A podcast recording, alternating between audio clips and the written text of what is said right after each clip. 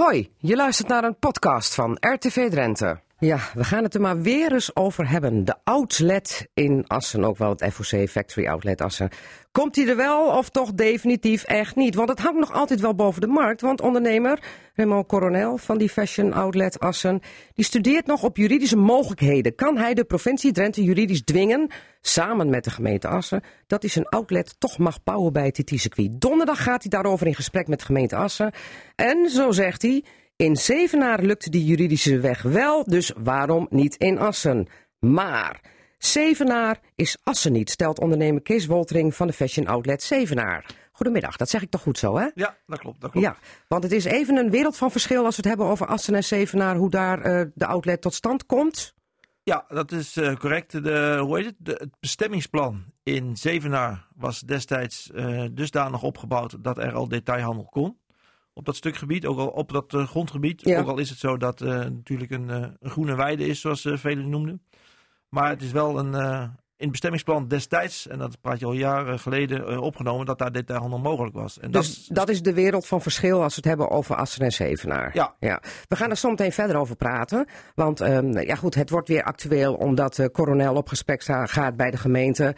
En hij gebruikt de Zevenaar als voorbeeld van het kan daar, dus in Assen kan het ook. En u zegt dat is even wat anders. Praten we zo verder over. Want eerst even naar mijn speciale tafelgast van vandaag. Back in town mag ik wel zeggen. Ja. Mark Veningen, ooit begonnen bij RTV Drenthe, heel heel lang geleden. Uh, uh, tegenwoordig hoofdredacteur bij Omroep Gelderland. En per 1 december hoofdredacteur van Hart van Nederland Ja. bij SBS, SBS 6 bij de Topa-fabriek. Ja. Gefeliciteerd Dankjewel. alvast met Dankjewel. die mooie baan. Ja. Een overgang dus van eh, de publieke omroep, regionale publieke omroep, naar de commerciële omroep. Dat is Ja. toch wel een hele stap. Ik denk dat dat meevalt.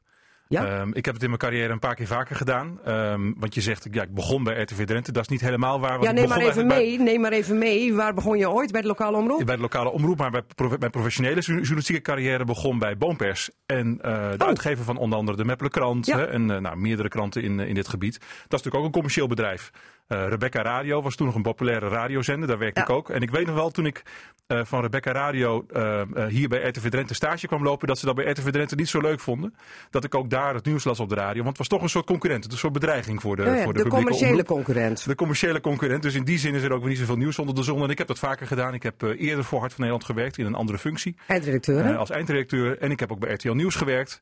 Nou, ik heb dus hier gewerkt. Ik heb bij RTV Utrecht gewerkt. Ook een publieke omroep. Dus die afwisseling van commercieel en publiek, die, eh, die heeft er ingezeten. bij en je merkt niet dat daar zoveel verschillen in zitten. Nou, niet in het journalistiek. Hè? Want de, de, de, de, de, essentie van journalistiek is dat het onafhankelijk is. Eh, Zodra je eh, journalistiek gaat vermengen met of commercie of de overheid die zich er intensief mee gaat bemoeien, dan is het ook geen journalistiek meer en dan gaat de geloofwaardigheid eraan. Dus ook uitgevers en commerciële bedrijven hebben er belang bij om die journalistiek onafhankelijk te houden. Dus in die zin is er geen verschil. Alleen ja, de financiering is natuurlijk wel anders. Ja, maar even voor alle duidelijkheid. Je bent tegenwoordig een Drent in een vreemde, want je woont in Utrecht. Maar Ja. je komt van origine uit de wijk, hè? Ja, zeker. Ja, Ja, ja. Dus vandaar ook eh, dat Jan Roets, eh, als het gaat om radio, ook een beetje liggen eh, bij Meppel. En ook bij. Zuidwolde, bij de lokale omroep. Zeker, ik was twaalf toen ik bij de lokale omroep Zuidwolde begon. Oh, zo jong zat het er al ja, in? Ja, zeker. Ja, dat kwam eigenlijk door mijn opa. Mijn opa was bestuurslid van de lokale omroep. Die kwam overigens niet uit Drenthe, in Leeuwarden. En toen ik ging logeren bij mijn opa en oma, ging ik altijd met hem mee naar de studio. Hij was geen radiomaker of zo, hij zat gewoon in het bestuur.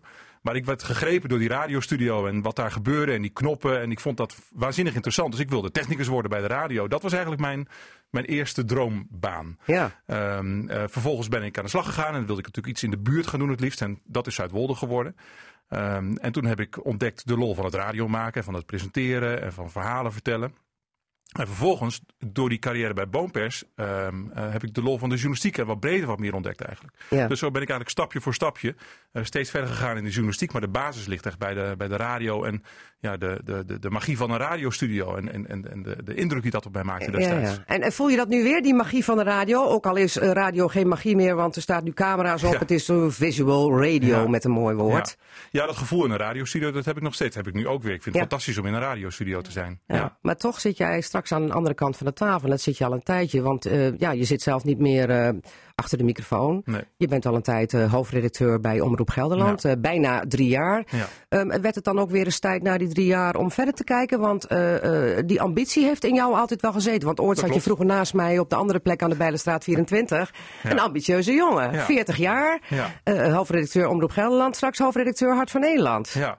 Ja, die ambitie heeft altijd wel in mij gezeten. Uh, dat klopt. Ik heb bij Radio Drenthe, RTV Drenthe uiteindelijk ook niet zo gek lang gezeten. Dat was ook iets van 3,5 jaar. Mm -hmm. Dus eens in de zoveel tijd vind ik het voor mijzelf wel verfrissend om weer iets anders te gaan doen. Ja, dan zeg maar je goed, dan tegen een collega die zelf al 24 jaar bij de regionale ja, maar dat is, voor iedereen, zit. dat is voor iedereen verschillend, Margriet. Kijk, als jij, als jij het leuk vindt om daar uh, lang te zitten en je kunt jezelf, en dat is natuurlijk de essentie, ja. je kunt jezelf scherp en fris houden en een goede bijdrage leveren aan het succes van uh, in dit geval RTV Drenthe. Ja, uh, be my guest om daar langer te blijven. Maar voor mijzelf, ik vind het zelf prettig okay. om eens in de zoveel tijd wat anders te doen. We gaan zo meteen praten over het succes wat je toch uh, voor elkaar hebt gekregen bij Omroep Gelderland. Want ik zag deze week een hele blije tweet van jou over uh, op welke plek de regionale omroep in Gelderland staat als het gaat om de luistercijfers. Komen we zo over te praten en ook over de missie straks bij Hart van Nederland na 1 december. Want eerst even die outlet Assen dan. Een discussie die nu al bijna drie jaar duurt in Drenthe. Assen wilde het graag. De provincie Drenthe stak er afgelopen maand definitief een stokje voor met de nieuwe omgevingsvisie. Want zo'n weidewinkel die ziet de provinciale politiek absoluut niet zitten omdat het een bedreiging is voor de binnensteden en uh, de, de winkelcentra in de dorpen waar al zoveel leegstand is. Nou, in Zevenaar speelde een soortgelijke kwestie. Uh, daar komt hij wel, Kees Woltering. En in Assen komt hij vooralsnog niet. Als u nou eens in uw glazen bol kijkt, wat zegt u dan uh, of die initiatiefnemer Raymond Coronel hier in Assen het voor elkaar krijgt, ja of nee? Wat zegt u dan? Nou, ik denk dat dat een, een heel lastig uh, verhaal wordt. Um, ja, Want? Het, het grootste uh, uh, probleem ligt natuurlijk dat de detailhandelsbeleid van de overheden de laatste jaren flink gewijzigd zijn. Voorheen was het toch iets meer de gemeente die mocht bepalen of wel of iets niet kwam. wat vrijer was met zijn bestemmingsplan. Nu tegenwoordig moet je je houden aan, aan regionale uh, ontwikkelingsplannen voor economische plannen. Ja. Uh, landelijk zelfs, hè? Landelijk want de focus zelfs. is op de binnensteden. Ja. Geen vierkante meters uh, er meer bij, winkeloppervlak. Ja, klopt. Het, Zeker ze, geen weidewinkels. Ze zijn de laatste tijd zeer, ja, maar niet echt scheutig met het uitgeven van nieuwe vierkante meters. En dan bij voorkeur in, als ze het doen, in, in concentraties waar reeds veel detailhandel aanwezig is. Ja, ja met, met een mooi woord heet dat geen weidewinkels. Maar nou zegt Raymond Coronel, goh, die man in Zevenaar die heeft het voor elkaar gekregen. Raad van State zaak geweest. De gemeente wilde daar graag wel die outlet. De provincie wilde het niet. In, uh, in Assen en in Drenthe is hetzelfde het geval. Dus ik ga eens even kijken of ik uh, juridisch de provincie Drenthe zover kan krijgen om hier toch die outlet Assen te realiseren. U zei net in het begin al, bestemmingsplan technisch is er toch een totale andere uh, kwestie. Namelijk, de provincie Gelderland had zelf ooit mogelijk gemaakt dat de detailhandel in het buitengebied bij Zevenaar kon komen. Zo zeg ik het goed, hè? Klopt, ja. Er wordt een, een moederplan gemaakt voor het, het hele uh, gebied langs de A12. Dus de, van, van Duitsland richting Arnhem-Utrecht.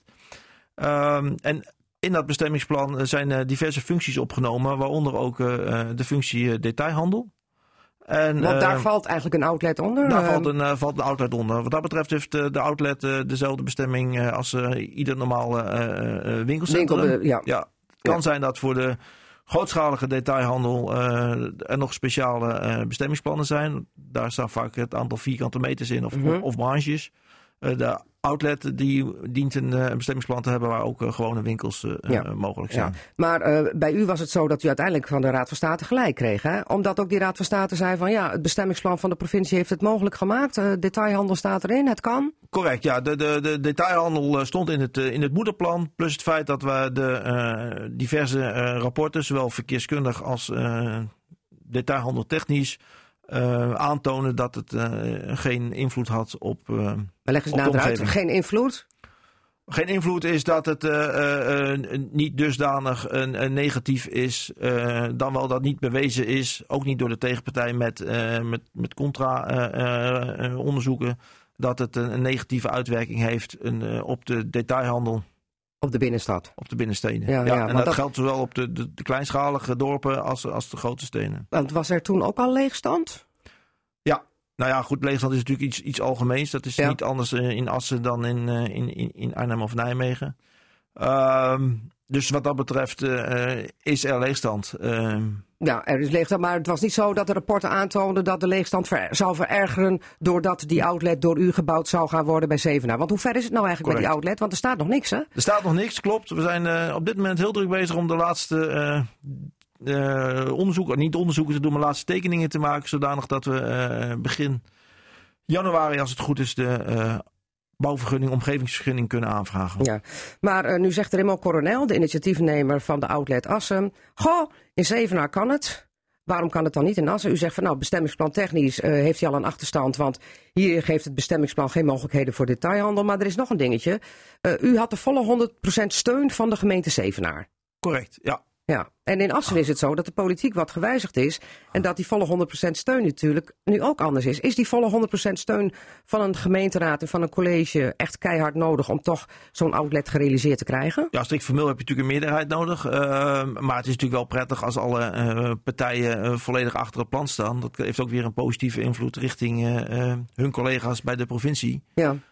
Um, Alhoewel het in Gelderland ook niet helemaal het geval was. Maar het, het is wel lekker als je natuurlijk een, een, eh, iemand hebt die echt een, eh, voor je door het vuur gaat. Uh, als het gaat om, om de vergunning uh, en de, de nodige uh, toestemming en goedkeuringen van, ja, van ja. de outlet. Maar er zijn er onderhand verkiezingen geweest in de, bij de gemeenteraden. En in Assen was een meerderheid voor een outlet. Maar de constellatie is nu dusdanig veranderd dat in de Raad van Assen, als je weer zou moeten stemmen, er geen meerderheid is. Dus het college zal er nu ook minder hard aan gaan trekken. Ja. Denkt u ook niet? Ja, nou, nou, ja goed. Ik, ik ken niet helemaal uh, exact de, de, politieke verhoudingen en, uh, en ieders mening. Maar het, ja, het is wel absoluut noodzakelijk dat je uh, in ieder geval één wethouder hebt die er echt door, voor je door het, door het vuur gaat. Ja, ja. En um, ja, wat ik in ieder geval meekrijg uit, uh, uit de diverse uh, artikelen en uh, pers, is dat dat in ieder geval in Assen nog niet zo is dat iemand er volledig achter het plan staat. Ja, nou ja, goed, het college zegt nu wel, we respecteren de uitspraak van de vorige raad en ook van het vorige college. Maar is dat hard genoeg om samen de strijd aan te kunnen gaan? Want Coronel gaat donderdag op visite bij de gemeente Assen. Wat denkt u? Nou ja, als ze ervoor zijn, zijn ze ervoor. Uh, um, dus wat dat betreft is dat dan wel uh, voor, voor Coronel een, een positief uh, signaal. Maar ja, je moet natuurlijk wel de provincie om hebben. En, ja. ja, en daar moet je echt met overtuigende bewijs komen. En alleen zeggen van ja, we zijn niet tegen en daardoor een beetje voor. Ja. ja dan daar overtuig je een, een, een provincie ja, niet goed, mee, Maar die provincie kan hij niet meer overtuigen. Het enige wat hem nu rest is juridische stappen te ondernemen tegen die provincie. Dat hij geen medewerking krijgt volgens die nieuwe omgevingsvisie. Ja, nou ja, goed, daar moet ik zeggen, met het hele nieuwe detailhandelsbeleid, daar, daar zijn nog wel wat uh, uh, procedures voor gevolgd, maar nog niet zo heel veel dat je daar een rode lijn uit kan trekken van dat hij überhaupt de kans, kans van slagen heeft. Nee, want hij verwijst dan elke keer naar Zevenaar, maar u zegt die vergelijking die gaat niet Die vergelijking is, maar die gaat volledig mank. Ja, ja, dus ja. Daar, daar, daar moet hij niet naar verwijzen. Uh, maar ja, hij kan uh, gebruik maken van, de, van, van natuurlijk de verschillende rechts. Uh, ja, ja, maar het moet wel zin hebben natuurlijk. Hè? Het moet wel, moet wel zin hebben. En, en hij heeft in ieder geval uh, nog een lange weg te gaan. Want mocht hij dan daar de toestemming voor krijgen, dan kunnen natuurlijk nog allerlei partijen tegen zijn. Die vervolgens het leven weer gezuur gaan maken bij de diverse instanties tot en met de Raad van State toe. Ja, wat denkt u nou zelf als ondernemer die de outlet 7 van de grond trekt? Want ik denk van ja, god, ook geen wonder dat u zegt van ja, de vergelijking gaat niet op. Want u zit natuurlijk ook niet te wachten op een outlet als een binnen anderhalf tot twee uur rijden. Want het uh, vist ook weer allemaal uh, vissen uit de vijver bij u, toch? Die bij u dan straks komen in Zevenaar. Nou, nou laat ik zo zeggen. Toch een concurrent uh, weer om de hoek. Toch? Nou, het is, het, is, het is niet echt een concurrent. Ik bedoel, daar, daar ligt het echt te ver weg voor. Ik bedoel, dat is toch een, een 150 kilometer.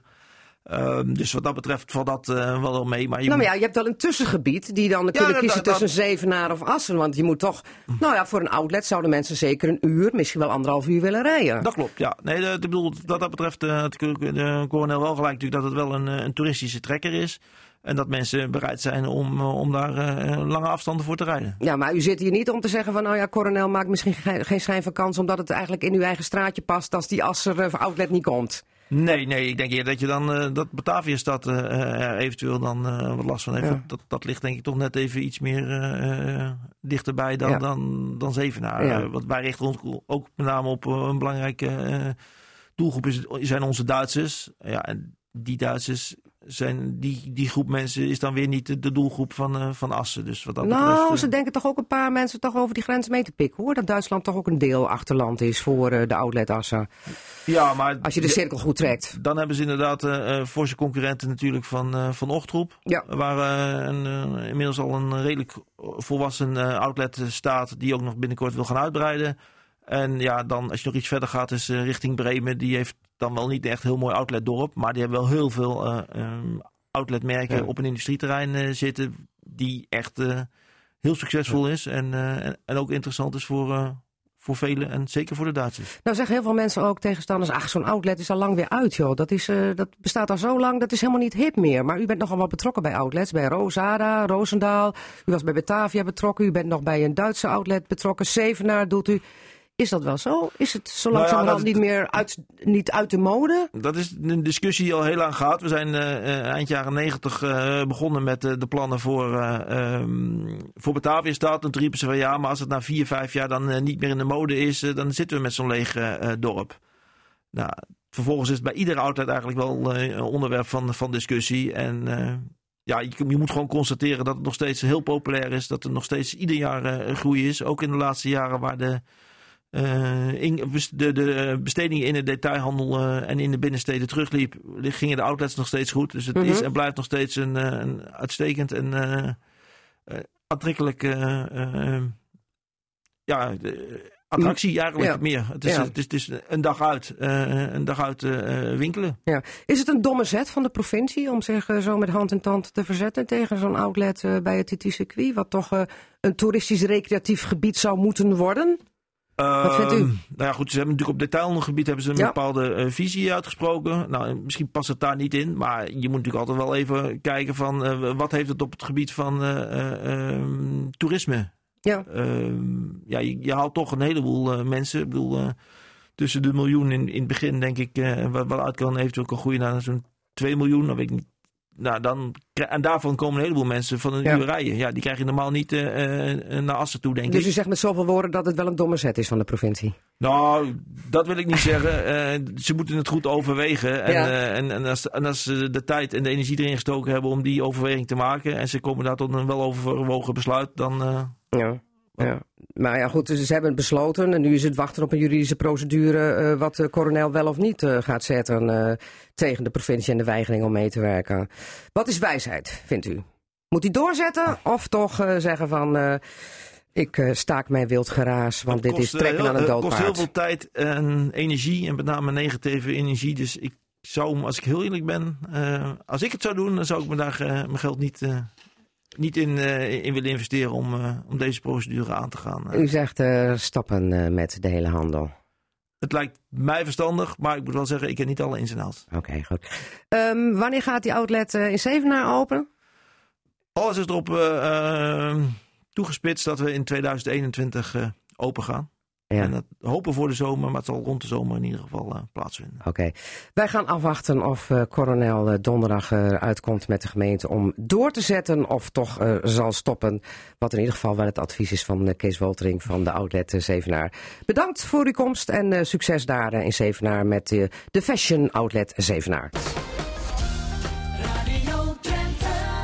Wordt het een bestseller of is het een veredelde vorm van zelfbevrediging? Ik heb het over de bundel Uitgesproken met de beste columns die de museumdirecteuren Dirk Mulder en Hein Klomp maken de afgelopen jaren via Radio Drenthe de ether inslingerden.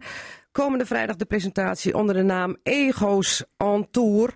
Veelzeggende titel, mannen. Dirk Mulder, Ego's Tour. Ja, wij worden soms zo, eh, zo gezien, dus dan nemen we dat maar over. En het beeld wat mensen van je hebben, dat moet je niet eh, om, om gaan keren en eh, gewoon bevestigen. Oké, ik las er ergens net ego-trippers, dus daar zullen we het zo meteen uitgebreid over gaan hebben. En nog een boek met in potentie misschien wel een bestseller, binnen het voortgezet onderwijs vooral. De Lijst van Rob Stoker uit Emmen. Is zijn tweede roman na het aangrijpende boek 30 messteken over de moord op zijn dochter Kim. Gisteren gepresenteerd in Emmen en Rob Stoker, hoe waren de eerste reacties? Eh, die waren goed. Ja? Ja, Ja, ik grote ben- grijns ben- je gezicht. Ja, ik word er blij van. Ja. Ja, oké. Nou, ik heb het boek gelezen en eh, het is wel een heel filain boek, mag ik zeggen. Mhm. De lijst, moet ik eigenlijk ook op die manier zeggen. De lijst. We gaan er zo over praten. Want eerst even naar onze tafelgast, zoals altijd. Onze Drent in den Vrumde, Mark Veningen, per 1 december de nieuwe hoofdredacteur van Hart van Nederland bij SBS6. Ooit begonnen bij RTV Drenthe en nu alweer bijna drie jaar hoofdredacteur bij Omroep Gelderland. En ik zag deze week een hele blije tweet van deze Omroep Gelderland hoofdredacteur. Luistercijfers stijgen lekker door van 10,1% naar 11%. Hoogste marktaandeel in jaren. En 2% hoger dan gemiddelde van de regionale radiozenders. Noord-Friesland en Zeeland boven jullie. Ja. En Omroep Gelderland op 4. Ja, Ja, je vertrekt op een goed moment. dat hoop ik. Ja, Dat dat, hoop je je. altijd, dat je op een goed moment natuurlijk Ja. vertrekt. Hè. Ik denk dat het een goed moment is omdat eh, de omroep in de afgelopen jaren ja, behoorlijk is eh, gegroeid in eh, meerdere opzichten. Inhoudelijk is gegroeid, maar dus ook in bereik is gegroeid. Dat geldt voor de radio, dat geldt ehm, zeker online. We zijn meer dan verdubbeld in het bereik in de afgelopen twee jaar. Ehm, dus dat, is, eh, dat zijn mooie cijfers, om eh, eh, bij cijfers ook wel een beetje trots op te zijn. Ja, ja. Maar is het dan ook mission completed? Nee, dat is nooit af. Het we- werk is nooit af. En ik werk ook altijd volgens het principe dat het hoogtepunt nog zal moeten komen. Hè, dus ehm, ik denk dat er ook mijn opvolger nog vo- voldoende te doen heeft. En het nog een stuk succesvoller kan maken. Dat kan zeker. Dat kan altijd. Ehm, het is wel zo dat in de periode dat ik kwam. Eh, de regionale omroepen allemaal in behoorlijk zwaar weer eh, zaten. Er moest eh, 17 miljoen bezuinigd worden in de hele sector. Ja, dat hing als een zwaard van Damocles Ja. boven ons hoofd als Ja. regionale omroepen. Ja, en eh, voor Gelderland betekende dat eh 2,5 miljoen euro. Dus dat is heel veel geld. Ehm, eh, zeker omdat de regionale omroepen eh, niet de rijkste omroepen van Nederland eh, zijn. Dus Maar de- Omroep Gelderland is toch wel een redelijk rijke omroep Ja, vergeleken bij RTV Drenthe. Want wij zijn heel armoeig. En de provincie is ook vier keer groter. Ja, Hè, dus daarom. dat is weer de andere en kant. daardoor heb je ook meer inkomsten. Ja, ja, da- Ja. dat heeft daarmee te maken. Dus. Maar dat betekent dus wel dat dat er, dat er een, een forse ingreep was in wat, er, eh, in wat we allemaal doen. Mhm. Eh, dus er moest een hoop gebeuren. En eh, als je er dan samen met je team in slaagt om onder die omstandigheden je bereik zoveel te vergroten. En ook inhoudelijk, want dat is natuurlijk ook heel belangrijk voor een hoofdredacteur, ook inhoudelijk overeind te blijven. En zelfs op een aantal onderdelen te verbeteren. Veel meer interactie met het publiek. De samenleving zoekt de omroep veel meer op. is de omroep veel meer op gaan zoeken in de afgelopen jaren. Ja, net als bij Nou, ons. Altijd een, in de buurt. Hoe was het bij jullie? Bij ons is het altijd in Ja, de de, buurt. op de radio is het de hele dag dichtbij. Ja, de hele Ja, dag dichtbij. Ja, Ja, ja. Nou, dat, is toch het, dat is toch waar een regionale omroep voor is. Het gaat om het gevoel dat je dichtbij bent. Dat, je dat ook waarmaakt. Dat je ook echt in die provincie bent. Knuffel die luisteraar dood en die kijker. Omarm ze, zoek ze op en laat ze ook meepraten. Nou ja, dat vooral, dat laatste. En ik denk dat eh, daar de laatste jaren ook veel meer mogelijkheden voor zijn gekomen. Hè. Ook dankzij de sociale media wordt vaak op afgegeven. Maar het heeft ook hele mooie kanten. Ja. Eh, en dat, is, dat zit onder andere hierin. Ja, maar eh, nou ga je straks naar Hart van Nederland. Eh, in Amsterdam zit dat. Eh, dat gaat om het eh, ja, hele eh, landelijke nieuws. Maar jullie zoeken natuurlijk met Hart van Nederland ook vooral de regio op. Denk je toch niet dat er meer afstand komt? Nee, dat denk ik niet. Omdat, eh, Omdat de regio toch dichtbij is? Hè? Ja, nou ja dat, per definitie zitten regionale omroepen dichtbij, omdat die omroepen ook gevestigd zijn in het gebied en ook breder actief zijn eh, op het gebied van de culturele ide- identiteit. hè. Ja. Ik noem bijvoorbeeld uit Gelderland, waar we een, eh, een, een heel mooi, vind ik zelf, geschiedenisprogramma maken. Dat heet Ridders van Gelder en er zijn twee karakters die de geschiedenis van Gelderland, en we zitten nog maar in de middeleeuwen, toen was er nog geen beeld. Dus het is ongelooflijk ingewikkeld om daar een mooi televisieprogramma van te maken. Nou, dat vind Is dat ik beetje typisch iets van een publieke regionale omroep. 3 doen? Eh, ook eh, met karakters en types eh, de geschiedenis naspelen? Ja, dat- Wat hilarisch is, zelfs Nou, ja, volwassenen leuk. Ja, het wordt niet helemaal nagespeeld, op onderdelen wel. Maar het, het, is, een, het is een heel educatief programma. Dat wordt zelfs op, op scholen ook vertoond. Dus dat vind ik typisch iets voor een, voor een regionale publieke omroep. Hè. Dus die taakopvatting is breder. En Hart van Nederland richt zich natuurlijk meer op het, op het nieuws. Ja. Maar wel op het nieuws dat heel dicht bij de mensen staat. En ook het nieuws dat zich niet alleen in de Randstad afspeelt. Hè. Want ik denk dat Hart van Nederland een van de programma's is. Eh, eh, dat zich als geen ander realiseert dat Nederland groter is da- dan de Ja. Randstad. Gefocust in- op de regio ook vooral, op bijzonder nieuws. Ja, nou, je kunt het regio noemen. Je kunt het ook gewoon zeggen dat is gewoon heel Nederland. ja. ja. Hè, dus de, de, de, de blik is niet gericht alleen op de Randstad, maar op het hele land. Ja. Ben je met een speciale missie eh, naar Hart van Nederland gehaald? Ik, ik ga altijd eh, ergens werken om dingen weer beter te maken, Ja. eh, weer verder vooruit te helpen, uiteraard. En ik zei net over Gelderland. Mijn opvolger kan daar het nodige nog doen om het weer te, verder te verbeteren. Ja, dat geldt natuurlijk voor mij daar ook weer. Ja, ben je gevraagd of heb je keurig gesolliciteerd? Nee, ik heb niet gesolliciteerd. Nee, je bent gevraagd dus. dat komt soms voor, ja. Ja, ja. Maar ja, goed, je had natuurlijk al daar één been over de drempel, omdat je daar ook al een tijdje eindredacteur was bij Hart van Nederland. Dus ze kenden jou. Ja, ze kenden mij. Oké. We gaan het zo meteen over eh, jouw missie verder hebben bij eh, SBS6 en Hart van Nederland en jouw verdere ambities. Ja, niet zo eng kijken. Zo van, oh jee, oh jee. Nou. En over draaiorgels, want dat is een heel bijzondere passie wat met de paplepel ingegeven is. Maar daar zometeen eh straks na één uur meer over. Want eerst de lijst, zeg ik dan. Rob Stoker, de tweede roman van jouw hand. In 2016 was jouw eh, schrijversdebuut met het aangrijpende boek 30 messteken over de moord op je 24-jarige dochter Kim. Een zeer aangrijpend boek, mag ik wel zeggen. Ook een soort aanklacht tegen het rechtssysteem. De lijst is heel andere koek, zeg ik dan. Ja, misschien is dat ook wel een aanklacht, hè? Dus ook, zo zou je hem kunnen lezen. Ja, maar het is wel meer fictie. Ik bedoel, Ja, eh, eh, wel. jouw boek over 30 Ja. messteken, dat was hartverscheurend. Ja, dat was een horrorverhaal. Maar, Een horrorverhaal wat ook nog werkelijk gebeurd was. Maar dit is eh, deels fictie, Ja, dit is deels fictie. autobiografisch ook, omdat je ook een docent bent. Want vertel even, waar gaat het boek over? Nou, in, in het kort, het, is een, eh, het gaat over een docent eh, muziek, Tim Ja. van Galen. En eh, een veertiger. En die is er eigenlijk wel een beetje klaar mee. Die is klaar met het onderwijs. En eh, thuis loopt het niet zo lekker met zijn, eh, met zijn vrouw en zijn opgroeiende Zijn pubers. vrouw Wilma. Zijn ja. vrouw Wilma, ja, die hem altijd de onuitgesproken opdracht geeft om iets mee te nemen door iets op het trap te zetten. En hij stapt er dan structureel overheen. om Zo herkenbaar, hè? Ja. Zo herkenbaar. Ja, dat klopt.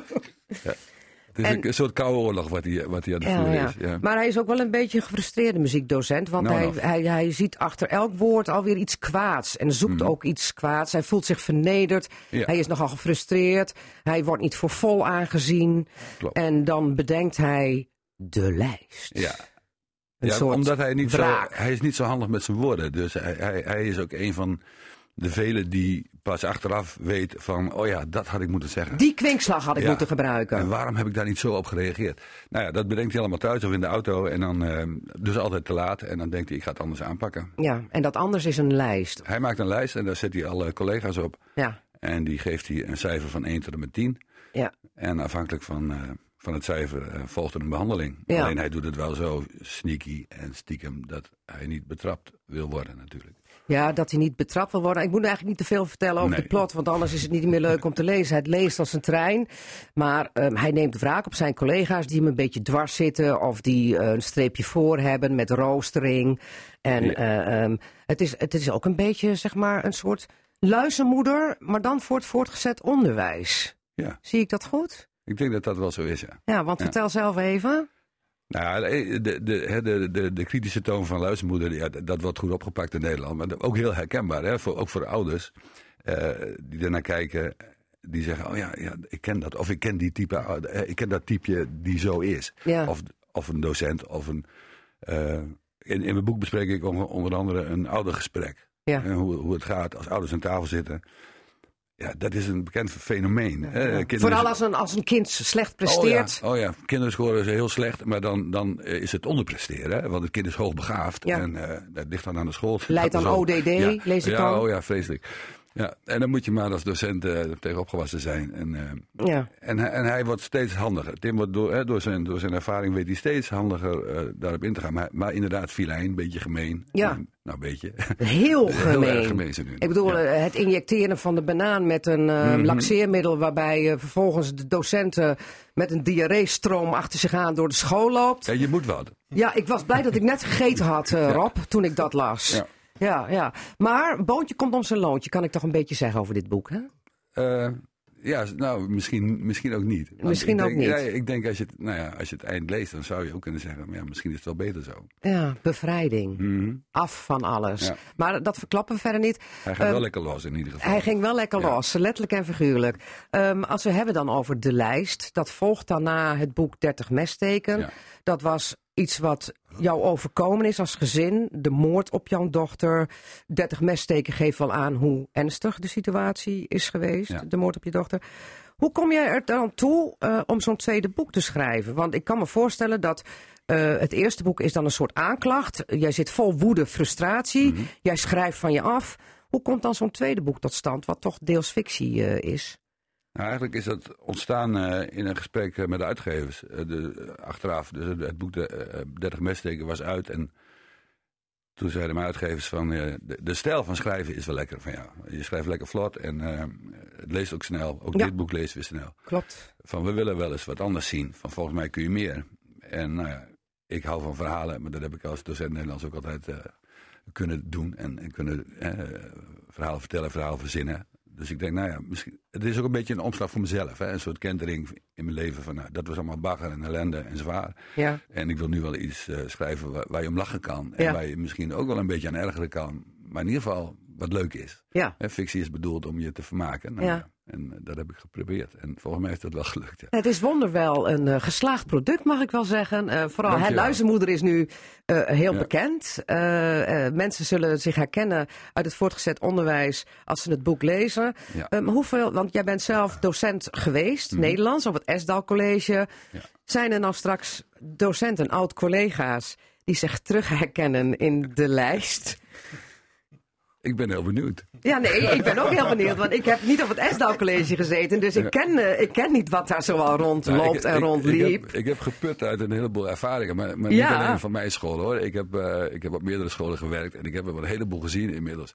En eh, ik ben ook regelmatig op cursus geweest voor het, voor het onderwijs. Daar heb ik ook over geschreven. Hoe, Ja. de- hoe, de- hoe, hoe belabberd dat soms eruit ziet. En, en hoe erg dat is.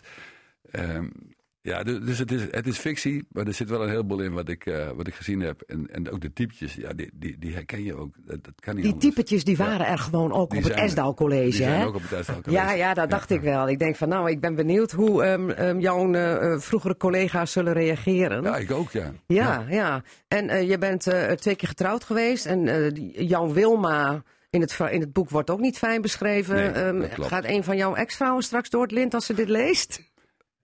Nou ja, eh, gisteren bij de presentatie was 50% van mijn ex-vrouwen aanwezig. Dus dat valt nog wel Eén mee. van de twee was Ja, aanwezig, ja. ja. ja. En wa- was dat toevallig eh, de Wilma in het boek? Of, Nou, ik eh, las een stukje voor eh, over eh, de koude oorlog die op zondagmiddag ontstaat tussen hem en, en zijn vrouw. En toen zei ze van, eh, ik herken me daar niet in. Nou, ja, dat is, dat is dan mooi. Oké, goed. Ja. Maar misschien herkende jij haar daar wel in, maar wil zij het zelf niet erkennen dat zij het is. Je mag het zelf allemaal beleven Ja. als je het leest. Heb je nou de smaak van het schrijven te pakken? Want je bent eh, per slot van rekening Nederlands docent geweest. Komt er nog weer iets Ja, daar gaat dit? zeker nog wat komen. Ja? Oh, ik, zit al wat in de pen? Mhm. Mhm. nee, er gaat wat komen. En, eh, en dat, wordt, eh, dat wordt ook een. eh, want het eerste was geen roman eigenlijk. Hè. Het was, dat was gewoon non-fictie. Dit Ja. is een roman en ik ga sowieso weer een roman schrijven. En waar het over gaat, dat, dat ga ik nog niet vertellen. Oké. Goed, ehm, eh, Rob Stoker, De Lijst. Geschreven dus door Rob Stoker Mhm. en uitgegeven door uitgeverij Kleine uil. Kleine Uil. Ja. En waar kunnen we het krijgen? Ja, Kopen? Bol, Bruna, eh, familie. Oh, en ik, weet- ik ja, weet niet het maar allemaal Eh, ehm, zeer aanbevelenswaardig, vooral ehm, voor mensen in het voortgezet onderwijs. Eh, het Ja, is een, maar ook leerlingen wel hoor. Ja, ik denk nee, dat heel bedoel, veel oud-leerlingen het gaan lezen. ja, ja. Het is een zeer smakelijk en soms bij tijd en wijle onsmakelijk verhaal. Mm, ja. De lijst van Rob Stoker. Dankjewel voor je komst naar Cassata. Cassata. Cassata. Margriet Benak. Radio. Ja, het is eh, herfstvakantie geweest, dus dan duiken we van het ene boek eh, zomaar in het andere boek. Soms heb je geen boek in de uitzending en soms zomaar twee. Ja, dat is toevallig zo, want vrijdag wordt gepresenteerd Ego's on Tour in Grollo. De, de pleisterplaats waar deze twee heren regelmatig vertoeven. Ik heb het dan over Hein Klompmaker en Dirk Mulder. Hein Klompmaker als directeur van het Hunebedcentrum Borger. En Dirk Mulder natuurlijk van het herinneringscentrum Kamp Westerbork. Want jarenlang hebben ze bij RTV Drenthe achter de radiomicrofoon een column uitgesproken op de vrijdag. Dat heette ook Uitgesproken. En nu is dat gebundeld. Ehm, ja, de, de bundel heet ook Uitgesproken, toch mannen? Ja, hè? Ja. Ja, zeker. En- het en- heeft verschillende betekenissen. Hè? Ja, uitgesproken, dat mag je zo uitleggen. Boeiend, eigenwijs, confronterend, ironisch en met veel zelfspot. Zo wordt het althans eh, omschreven door eh, degene die dit bedacht heeft. Dat is Lucas Koops. Die heeft bedacht dat eh, jullie eh, columns, eh, er zijn er heel veel, maar 80, de 80 fraaisten zijn in het boek gekomen met nog een bonuspunt, de 81ste. Want het laatste woord is natuurlijk weer aan de heren. Ehm ehm, egotripperij van de bovenste plank, eh, zeg ik dat goed, Hein Klompmaker? Eh, nee, dat Nee? zeg je niet goed. Nee, Oh. nee dat, dat is het imago wat wij hebben. Ja? En eh, wat wij gaan doen bij de presentatie is onderzoeken of dat wel klopt. Oké, heel vaag klinkt dat. Dirk Mulder, Nee. leg jij eens even uit. Nee, dat is Helemaal niet vaag. Nee, dat is Nee? volstrekt helder. Ja, volstrekt helder. Ja, ja, en je wilt weten hoe het nou eigenlijk precies zit. Hè. Dat is ons eigen, hè. dat is jou ook eigen. Hè. Je wilt achter de waarheid komen. Ja. Nou, dat, is onze, dat hebben wij ook als, eh, als, histori als historicus. Eh, en eh, dat proberen we dan op die avond ook eh, nog eens even weer zo'n spuurtocht eigenlijk te doen. Oké, het heet dan eh Egels on Tour bij de presentatie. Maar ik lees dan ergens, Dirk Mulder, dat jij zegt dat het een potentiële bestseller is. Absoluut. En volgens Hein Klompmaker een veredelde vorm van zelfbevrediging.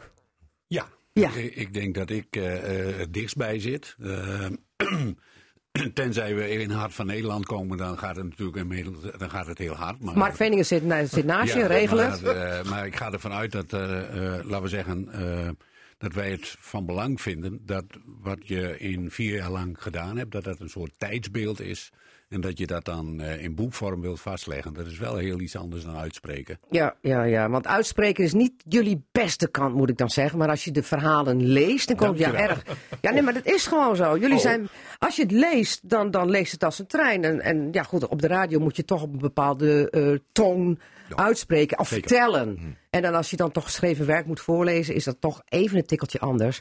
Zijn jullie er trots op dat jullie vier jaar lang erin geslaagd zijn om toch week in, week uit, afwisselend, Nou. met een actueel thema, vooral cultureel bedoeld, Ja, ja. eh, weer aan te komen? Daar zijn, we, daar zijn we wel trots op. Want eh, als je weet van wat voor tegenwerking wij hebben gehad. En dat wij ons echt een plek hebben moeten veroveren. Het was bijna oorlog. Tegenwerking van wie? Ja, hey, hier van de leiding Oh, eh, van oké. RTV Drenthe. Die, die ons er eigenlijk niet op wilden. Ook bang waren, denk ik, van, dat ze zelfs eens een keer gefileerd werden. Nou, dat hebben we nooit gedaan. En we zijn altijd zo heel zijn we niet. lovend geweest over RTV Drenthe. Ja.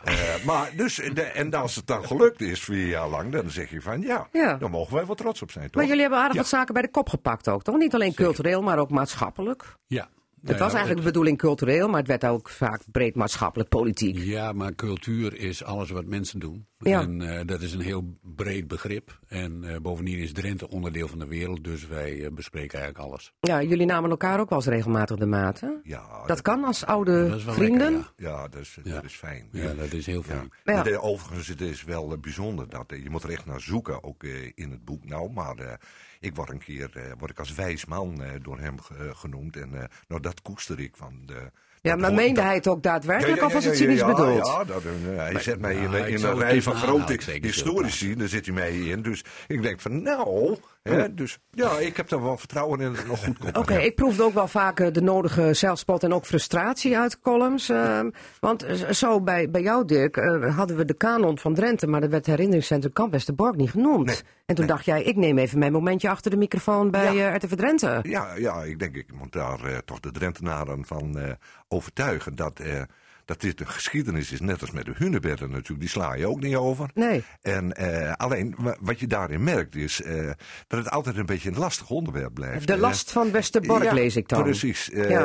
de, de- hoe, hoe, ja. dan is, als je niet goed weet hoe je daarmee om moet gaan, dan kun je beter maar net doen alsof het er niet is. Dat is makkelijker, maar je moet de confrontatie wel aangaan. Dus dat heb ik geprobeerd daarin duidelijk te maken. En dan Henk Klompmaker, het touwtje om het hunebed. Dan krijg je gelijk vervolgens op je brood van Dirk Mulder dat dat maar onzin is. Ja, nou ja, goed. Ik ben eh 47 jaar lang gewend geweest om eh, het met hem oneens te zijn. Dus eh, het zou al heel vreemd zijn als hij dan ineens eh, iets positiefs zegt. Eh, hij heeft trouwens ook één keer, maar dat doet hij dan weer niet voor de camera, heeft hij gezegd eh, dat hij een column van mij eh, leuk vond. Oh, Ja. keer. Van Ja, hoeveel keer. columns? Ja, nou, van, van de 120 die we met elkaar gemaakt hebben, was het één keer. Ah, Nee, ik moet eerlijk zeggen, dat, dat vond ik wel een, een, een life-changing moment. Ja. ja, ja. Ehm, jullie maken graag grappen over elkaar, met elkaar, maar even nu heel echt serieus. Wat is nou, naar jouw smaak, Hein, de beste column uit de serie die nu in het boek staat uitgesproken? Waarvan je denkt van, dat vind ik een juweeltje, daar ben ik trots op. Wat ik, eh, die ik zelf geschreven heb. Ja, Nou, in eerste ik neem aan dat je eh, alles zelf geschreven hebt. Ja, maar de, de ja, helft, nee, niet van de Dirk. gaat van nu even Mulder. ja, dus, maar het eh, gaat even over je eigen. Ehm, Waarvan je denkt- Ja, ja ik, ik ben op, op één ben ik heel trots. En dat Eh, is? Die heet 64. En die gaat over mijn vrouw die overleden is. Ja. En die heb ik er inderdaad heel snel kunnen schrijven. Dat was echt een paar minuten. Ja, dat was ook een hele emotionele column. Ja, ook. Tot tranen toe geroerd raak je dan als je die column hoort. Hoorde, heb ik, ik heb hem toen gehoord. En die staat wel in het... eh, Hij heeft het eh, gered, want Lucas Koops die heeft natuurlijk eh, eh, die de is selectie gemaakt. geweest, en er mocht niet over gecorrespondeerd worden. Dus, eh, Geen tegenspraak. Oké. En bij jou, eh, Dirk Mulder? Alle 40, hè? Ja, alle 40 goed, tuurlijk, alle 40 goed. Ja, Nee, noem er eh, één. Of weet je het niet noem er meer? De Ja. verbeelding aan de macht. Die De verbeelding, oh, ja? Die ging over? Eh, eigenlijk even teruggrijpend op eh, begin jaren 70, hè, toen eh, kabinet Den Uyl eh, er was en we allemaal dachten van, eh, het, nu komt de verbeelding aan de macht, hè, niet alleen maar eh, strakke paden en, eh, en eh, doorgetimmerde eh, leeropdrachten, maar echt de verbeelding. En daar grijp ik eigenlijk op terug en, met de vraag van, is dat nu weer het geval? En dat is weer het geval, was, althans in die column. Mhm. De eh, parallel. Gezien het bruisende leven in Drenthe en ook de, de bestuurlijke, het bestuurlijk beleid op dat terrein, provinciaal beleid, daar waren wij zeer content mee. En, Oh, ook soms wel eens door jullie genoemd het bestuurlijk onbenul. Oh, voor die Vaak tijd nog. zeker wel. Ja, Ja, ja, ja. wij hebben rechtmatig in de klins gelegen met eh Ja. gedeputeerden en Ja. ambtenaren. Heeft dat nog gevolgen gehad voor subsidie eh, en zo voor jullie eh, toko's? Nee, hè?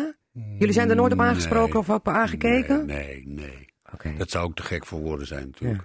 Zijn jullie trots dat nu toch uitgesproken in een bundel uitkomt met 80 beste columns en een 81ste bonuscolumn waarbij jullie jezelf opdringen als presentatoren van een nieuw programma bij RTV Drenthe van een uur uitgesproken? Nou, dat opdringen dat is helemaal eh, misplaatst. Het is, eh, eh, het is helemaal niet opdringen. Het is gewoon een Ah, goede doen een oproep. suggestie. Een suggestie. En die suggestie vinden wij wijs.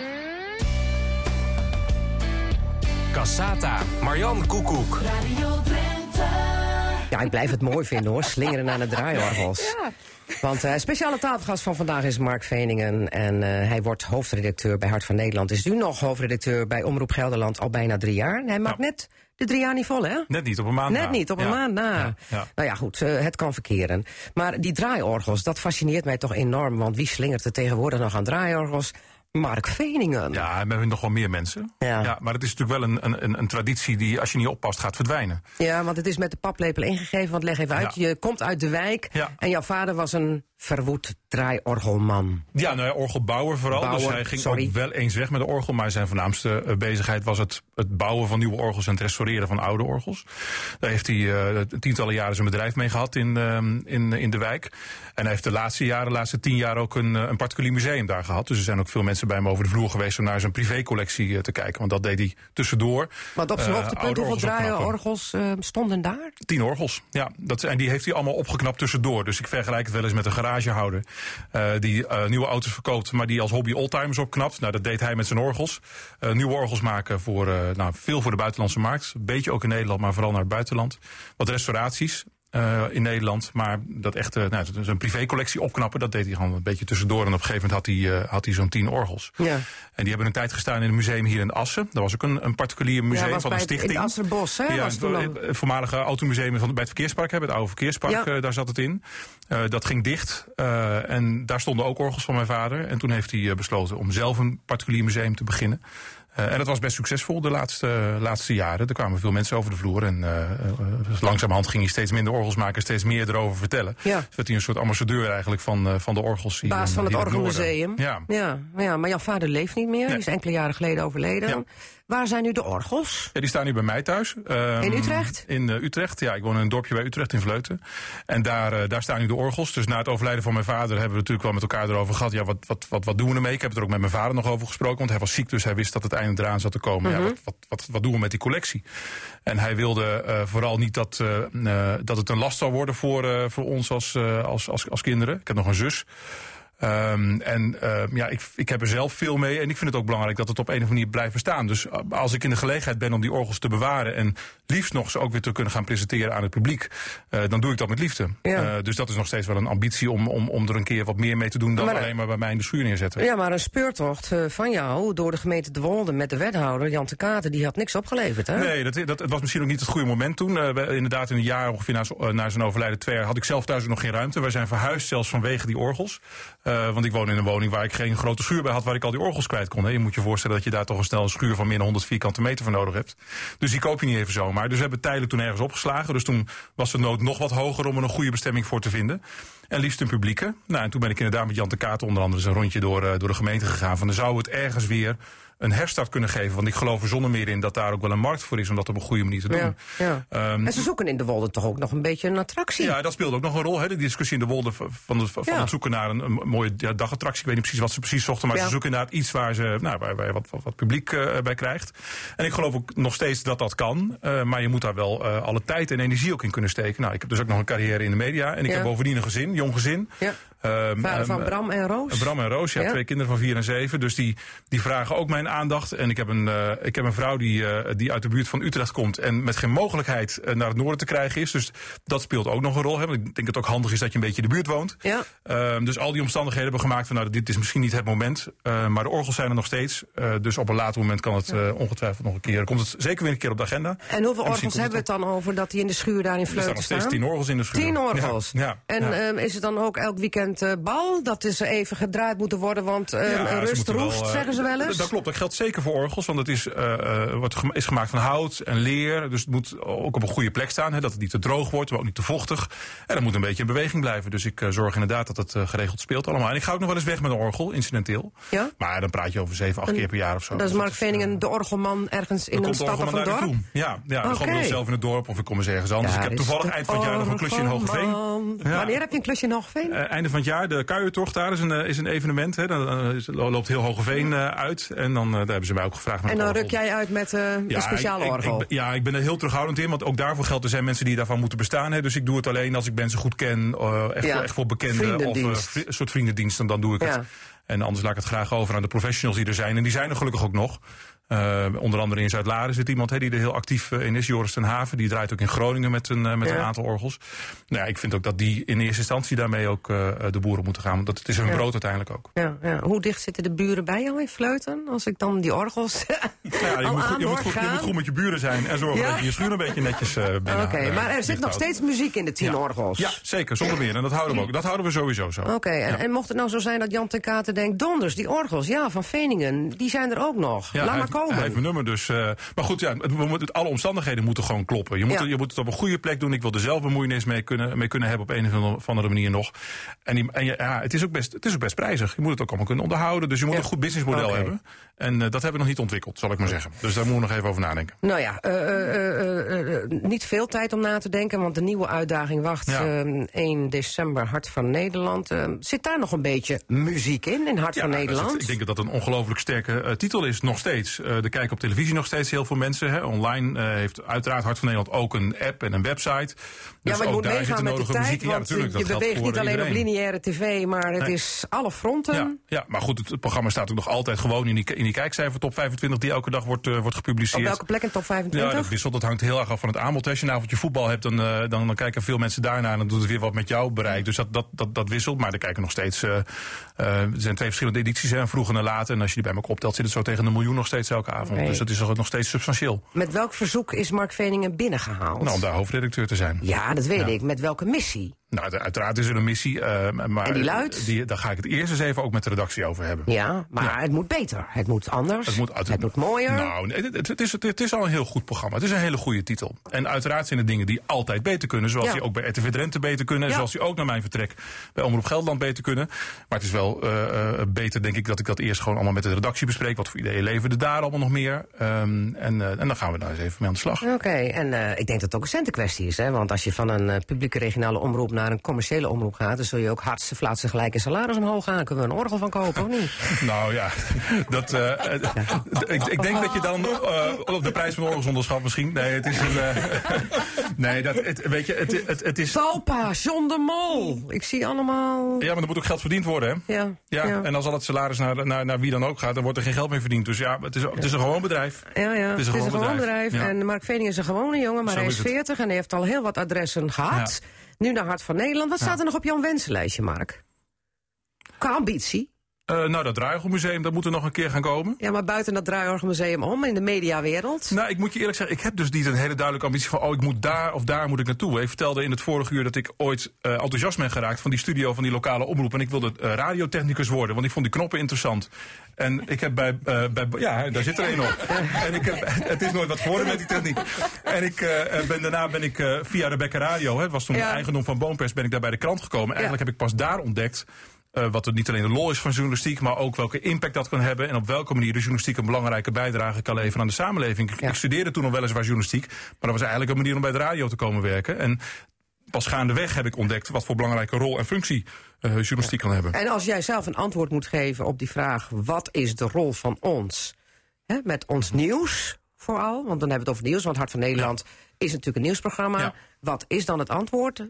Ik denk dat het essentieel is in een samenleving, in een democratische samenleving, dat, ehm, eh, dat er een, een vorm van controle is, maar dat ook inwoners eh, eh, van een regio, van een land, dat die, ehm, eh, dat die een stem hebben. Het is een, het, is een manier, het is een manier om ook dingen die spelen in het land, in een gebied, te vertalen ook weer en op de maatschappelijke agenda te krijgen. Als je het goed doet als journalistiek, ben je niet alleen bezig met het volgen van eh, eh, degene die je moet controleren, de politiek bijvoorbeeld, maar zorg je er ook voor dat er onderwerpen op die politieke agenda staan. Hè. Er zijn natuurlijk veel redacties die eigenlijk maar gewoon ja, kijken wat staat er eigenlijk op de agenda, waar praten die politici Ja, dat is over. en dan gaan we- dan gaan we reacties halen. Ja, maar er Ja. gebeurt nog heel veel. Ja. Terwijl het uiteindelijk, en ik denk dat dat de meest belangrijke functie nog uiteindelijk van de journalistiek is, om het vanuit die samenleving te krijgen. En om te zorgen dat dingen op de agenda komen. En niet alleen omdat mensen iets zeggen en dat je dat dan één op één overneemt, maar dat je het ook van context voorziet en dat je er duiding aan geeft. Dat je ook dingen uitlegt. Nou, ik kan er nog veel meer dingen over vertellen, maar ik denk dat dat in essentie wel de belangrijkste functie van journalistiek is. Ja, dat het niet alleen maar vraaggericht ook wordt. Hè? Oké, daar gaan we zo verder over praten. Over ehm, eh, dat we ook kijken wat er in de samenleving leeft. Want dat is ook een prachtig onderwerp voor eh, ons eh, nieuwe programma-onderdeel. Of nee, het oude. Maar dat is Cassata, het radioforum. eh, nu dus de hoogste tijd daarvoor. Want anders hebben we niet eens meer een kwartier. Eh Radioforumleden, behalve Mark Veningen, zijn dat vandaag. Agnes Mulder, ik zit in de Tweede Kamer voor het CDA en ik woon in Assen. En Co-Vester, statenlid voor de SP in Drenthe. Ja, nog wel. Deze week hè, het uur u voor Co-Vester. Of die nou wel of niet op de lijst komt of niet, Co. Nee, officieel is dat 1 december. Maar Nee, maandag, er- maandag. is er wat meer. Beeldjesdag bij de SP. Nou, Heb je al eh, ik niet zeggen. steun uit de achterban om te kijken of Co-Vester toch weer op die lijst moet? En dat zal maandag eh, blijken. Oké, nou goed, we gaan het eh, allemaal volgen. Maandagavond, eh, waar is het feest bij, van de SP? In eh Bijlen, In Bijlen? Waar in Bijlen? Dat is een breed begrip. in het Wilhelmina eh, Gebouw, het gebouw. Wilhelmina zitten we gebouw. ook wel eens. Oh, oké, goed. Ehm, ehm, heel wat anders, want Mark had het er net ook over, Mark Veningen, over eh, wat leeft er onder de bevolking. Laten we beginnen met code oranje. En het is geen weerwaarschuwing. Wat is het trouwens als het code oranje is met het weer? Dan is het Nou, niet best, hè? Dan, Niet eh, best, nee. Nee. Nee, je hebt nog rood en geel. En er zijn al heel snel codes tegenwoordig. Ja, Als ja. er een beetje regen aankomt, dan komt er al een code. Dan komt er al een code Ja. en dan zeggen we in Drenthe vaak... ah, eerst maar eens even kijken wat voor. Nou, het lijkt me ook heel verstandig. Hè? Vergeet, niet, vergeet niet naar de lucht te kijken, gewoon vooral. Ja. Ja, ja, zelf even naar buiten kijken. Maar Code Oranje, dat is een nieuwe partij die zich meldt voor de Provinciale Statenverkiezingen en eventueel ook landelijke Kamerverkiezingen. Want die partijpolitiek, dat is wel geweest.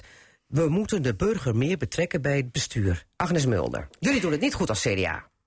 Partijpolitiek. Ja, zo kan je het opvatten. Je kan ook eh, kijken van partijen kunnen ieder moment worden opgericht, bewegingen ook. Dus eh, ik ben Ja, benieuwd waarmee ze. Ja, ik ben, maar weet je, dan is wel belangrijk dat ze ook eh, democratisch te controleren zijn. Dat zal alleen maar een beweging zijn. Dus ik ben heel erg benieuwd waar ze inhoudelijk mee gaan komen. Het zijn veel oud-bestuurders, hè? of huidige bestuurders nog, waarnemend burgemeesters, burgemeesters, oud-wethouders, wethouders, die allemaal toch Hmm. verbonden zijn aan de politieke partij. Ja, dan vraag je je af wat hebben ze dan laten liggen en wat hebben ze in hun functie dan niet gedaan. Ja, Co-Vester, hoe kijk jij er tegenaan? Code Oranje, een nieuwe volksbeweging. Eh, in principe eh, stond ik daar- eh, sta ik daar positief tegenover. Al herken ik er eigenlijk weinig nieuws in. Want? Ja. Want, eh, nou ja, ik zeg al tijdelang zeg ik van de politiek vergeet vaak dat het over mensen gaat. En dat is eigenlijk de roep dat de mensen dat nu. eh, hè, eh, we moeten er meer aandacht voor hebben in de politiek. Maar dat is toch de, is jaar de- in jaar uit de roep? Ja, en ik wilde zeggen, de SP is veel op straat tussen de mensen. Maar als ik bekijk eh, van hoe we ook provinciaal vaak vergeten dat het om, om, om de mensen in van Drenthe gaat. En dat je echt. we, hoe moet ik zeggen? We, we horen de mensen vaak wel. Of we luisteren wel, maar horen we wel wat ze zeggen. Ja, nou, of, je hoort ze wel, maar ze lu- je luistert niet als politiek, eh, is dan de eh, kritiek. eh, Er er wordt weinig mee gedaan. Kijk nou naar al die commissievergaderingen, inspreken. En wat wordt er mee gedaan? Helemaal niets. Maar toch hopelijk aan de voorkant gaan eh, politici, tenminste, zo werk ik dan wel. Dat je van tevoren gaat eh, informeren her en der. Dat je Maar- weet van maar wat dat- er in de is- samenleving speelt. En dat breng je in in een debat, toch? Ja, maar dat is het probleem waar, ze, waar ik daar in kom. Kijk, die communicatie met die burgers is belangrijk. Maar daar moet je wel de tijd voor hebben. En als ik nu even vanuit een statenlid praat, wat toch een klein parttime baantje is, wat men zegt op woensdag, je moet je geld, je verdiensten elders hebben. Maar wil je echt met die bevolking toegaan, dan moet je veel meer tijd erin besteden. En dan denk ik dat je eigenlijk niet ontkomt dat uh, het aantal dagen dat je voor de staten, voor je partijen en voor het statenwerk aan het werk bent, dat dat meer uh, mogelijk moet zijn en ook een vergoeding voor moet staan. Ja, ja. Agnes heeft echt een fulltime baan. En ik wil ik vind zeggen dat het parttime baantje van de statenlid, zoals ze zich nu in Drenthe ontwikkelt, Ja. echt een tijdgebrek is voor de mensen. Je Ja, hoort ja. van allemaal, ja, maar ik heb nog een gezin, ik moet geld tot de plank hebben. Ja, maar dat is Maar nu dat wel het geval, hè? Mark Veningen? Zou dat dan een fulltime baan moeten worden, dat Nou, ik weet staatslidmaatschap niet of gemeente maar, maar meer. Maar meer. Dat moet meer mogelijkheden zijn. Het moet ook financieel haalbaar zijn. Maar die discussie gaat natuurlijk ook vaak over de Eerste Kamer. Hè. Er wordt ook van gezegd, ja. het zou goed zijn eh, als je daar wat meer tijd in zou kunnen eh, aan, aan kunnen besteden. Aan de andere kant, ja, juist omdat het een parttime baan is, heb je de gelegenheid om in die samenleving actief te zijn. Precies. En dat vond ik zelf ook wel heel prettig. Ik ben eh statenlid geweest, ik ben eh, gemeenteraadslid geweest.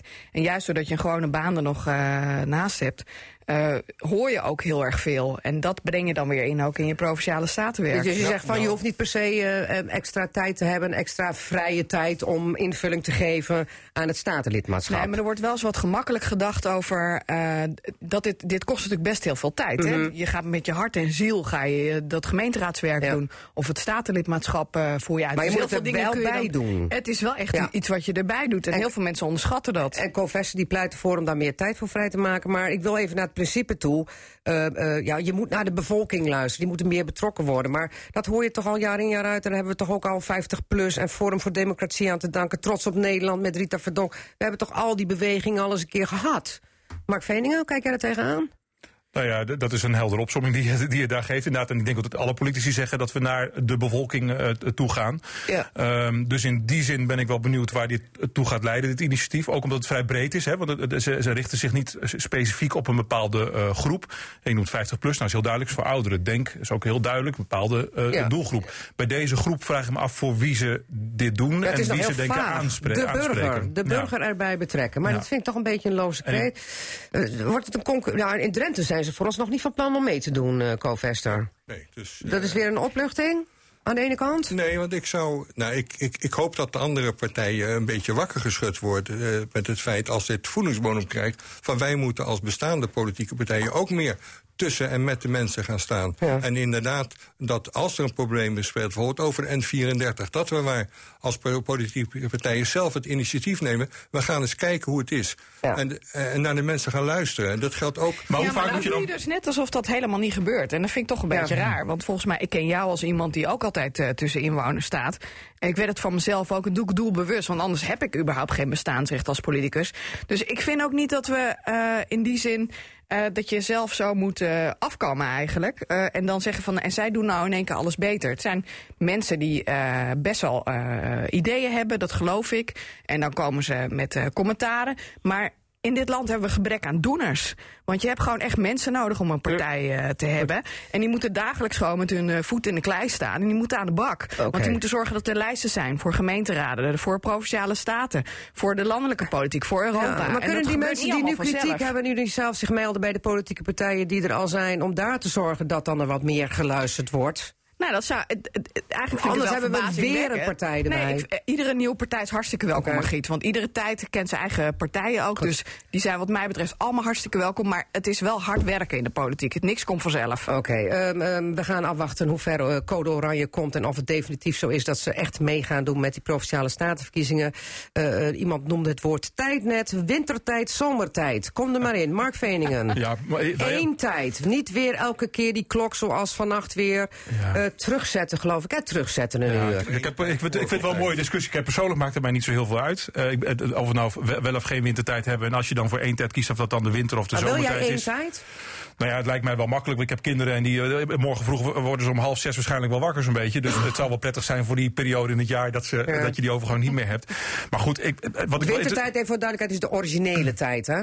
Die we hadden. Ja, maar de vraag is natuurlijk wel, wordt het de zomer of de wintertijd? Dat ligt, Ja. nu, dat ligt nu open. En ik vind het wel leuk om die hele discussie nu zo te zien. Ik las vanmorgen dat in Marokko hebben ze hem gewoon vandaag maar in één keer afgeschaft. Hebben ze gewoon gezegd, nou jongens, we stoppen ermee. En eh, hier is een hele discussie, en heel Europa is erbij betrokken. En, eh, en, en nou ja, we zijn we er nog niet uit met elkaar. Dus dat is wel mooi om dat verschil dan te zien. Hè? Dat, Marokko wordt op een dag wakker en zegt, nou jongens, we stoppen ermee vandaag. Geen wintertijd, voer, eh, eh, stoppen we mee. Ja, wij wij, wij, wij handhaven de zomertijd. Ja, ja, ja, daar. Agnes Mulder, want Nou ja, dan krijg je straks het verschil dat eh, eh, nu eh, Europese Commissie wil er ook vanaf, maar die laat het nu aan de landen Ja. over. Straks wordt het één ratje Dat toe. vond ik wel verbazingwekkend, ja. Nou, ja, ik denk eh, gevoelsmatig zou ik eh, voor de wintertijd kiezen. De Omdat- originele de originele tijd.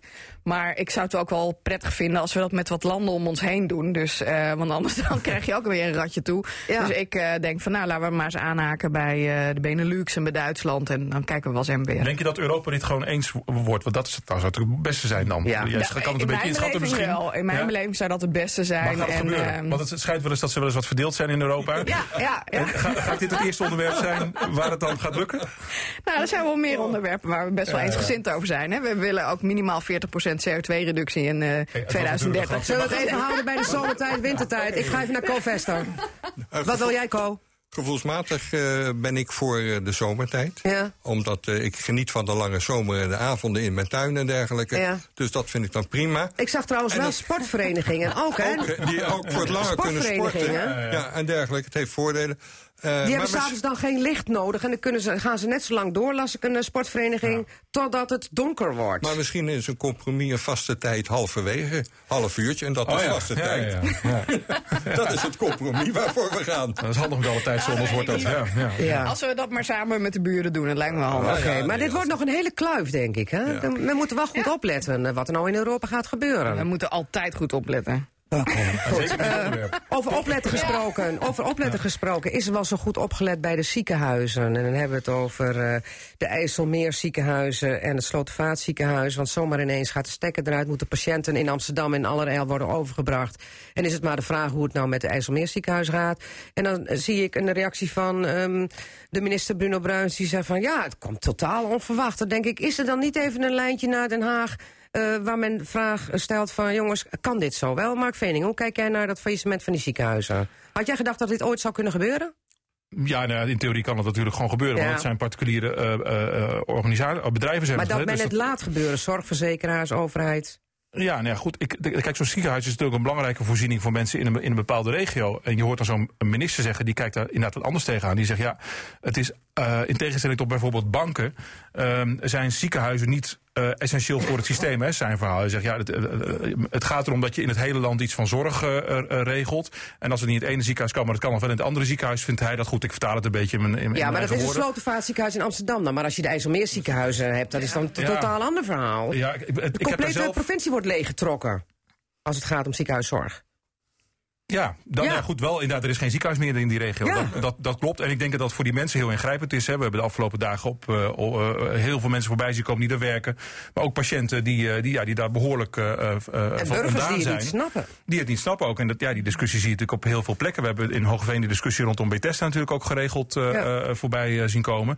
Ja, het is natuurlijk van oudsher zijn mensen gewend dat het ziekenhuis altijd om de hoek is. En de vraag is hoe, eh, eh, hoe, je, eh, hoe houdbaar het is in de Ja. toekomst. Wil je dat als samenleving en hoe regel je dat dan? Hoe kijk jij als Kamerlid er tegenaan, Agnes Mulder? Want ik neem aan dat Ja, jij dit hier ook al even flink dit- van Dit is hartstikke zorgelijk. En, en dan moet je dus daar maar liggen op dat moment in al je kwetsbaarheid. En dan moet je even een eh, ziekenhuis verderop. Alsof dat maar eventjes iets, iets gemakkelijks Of is. mensen zo. die al maanden eh, naar Ja, een operatie toe in, leven. in, in individuele levens van, eh, van al die patiënten die daar... dus, zeg jij Nou, als ik vind het echt Kamerlid... super zorgelijk. En eh, ik, eh, ik weet dat er aankomende woensdag ook een debat over zal zijn. Maar dit moet niet kunnen? er- nou ja, kijk, een, een, een ziekenhuis kan failliet gaan. Maar hoe dit dan is gelopen, ik vind dat echt heel erg raar. Het is voor ons een verrassing geweest, zegt Ja, de kan minister. toch niet? En hij wil deze situatie niet nog een keer meemaken. Maar Nee, tegelijk dus- is het toch ook de politiek geweest die dit zeg maar, mogelijk heeft gemaakt. Het is toch een verandering geweest ook in, in, in, in de zorgsector... dat die ziekenhuizen van de markt Ja. eh, afhankelijk zijn geworden. Dus zou je dat Ja, willen terugdraaien? Ze zijn, eh, eh, Ik wil niet te lang stilstaan, maar ik wil Ko ook nog even het woord geven. Ze zijn hoor. natuurlijk oorspronkelijk ook ontstaan. Hè? Er zijn vanuit christelijke Ja. samenzorg zijn ziekenhuizen ontstaan. Dus dat, dat was niet commercieel, maar dat was vanuit een betrokkenheid. Dat soort mogelijkheden wil ik wel graag houden, zeg maar. Dat je dat eh, kan doen. Maar goed, dat je wel samenleving ook Maar zelf dat je kan dit zo erop aan laat komen dat het zelfs voor de minister een verrassing is... dat Dat vind ik heel vreemd. Gaat. Co Vester, tot slot. Wat Eh, zeg jij? Ik ben heel erg eh, ervan geschrokken. En ik vraag me af, heeft het management, de directie, eh, de raad van toezicht, de raad van commissarissen, hebben die zitten slapen? Hoe kan dat ineens Ja. zo ontstaan? Dat er niet veel eerder signalen zijn geweest en maatregelen zijn De getroffen? zorgverzekeraars hebben uiteindelijk de stekker eruit getrokken. Maar je hebt ook op televisie van die zaken die dan bijna mislukken. En dan komt er iemand binnen en die zegt van zo. En ik neem het nu vanaf hier over. Maar- Was dat niet beter geweest dat de er zorgverzekeraars dat hadden gedaan? Er is wel een zorgverzekeraar die dat niet wilde. De DSW was duidelijk, Ome heeft duidelijk gezegd dat hij het hier niet mee eens was. Ja, ja, maar kan er dan niet een team van eh, leidinggevenden ingevlogen worden die zegt we nemen het vanaf nu over, want zoals het nu gaat, kan niet, want de patiënt staat nu voorop. Nou, ik denk dat dat een van de opties moet zijn die woensdag ook wordt besproken. Hoe ga je nou in zijn. de toekomst om met dit soort zaken? Want Ja. ik vind ook, wij betalen hier ook met z'n allen gewoon eh, alle premies. Hè? Dus die ziekenhuiszorg die moet gewoon dicht bij ons als mensen blijven staan. Het kan niet zo zijn dat je in het westen, hè, dan- want daar is het relatief makkelijk opgevangen natuurlijk in Amsterdam. Maar bij ons in de regio, daar moeten we echt eh, voor blijven gaan dat we die zorg goed toegankelijk houden. Oké, goed. Eh, zorg toegankelijk houden. De laatste woorden van Agnes Mulder in het radioforum. Eh Treant is natuurlijk ook natuurlijk altijd nog een gevaarlijk dingetje. Houden we ook in de gaten. Forumleden, co-vester Agnes Mulder en Mark Venen, dank voor je komst. En Mark, succes bij Hart van Nederland. Dit was Casata. Tot volgende week. Fijn weekend. Altijd in Je luisterde naar Casata. Dat is te beluisteren als radioprogramma op zaterdagmiddag, maar sinds kort ook als podcast. Net als het programma Drenthe Toen. Vond je het nou interessant? Geef ons dan 5 sterren en laat je beoordeling achter. En vertel het natuurlijk ook aan vrienden, familie en collega's. Daar help je ons mee, zodat we nog meer luisteraars kunnen bereiken. Tot volgende week.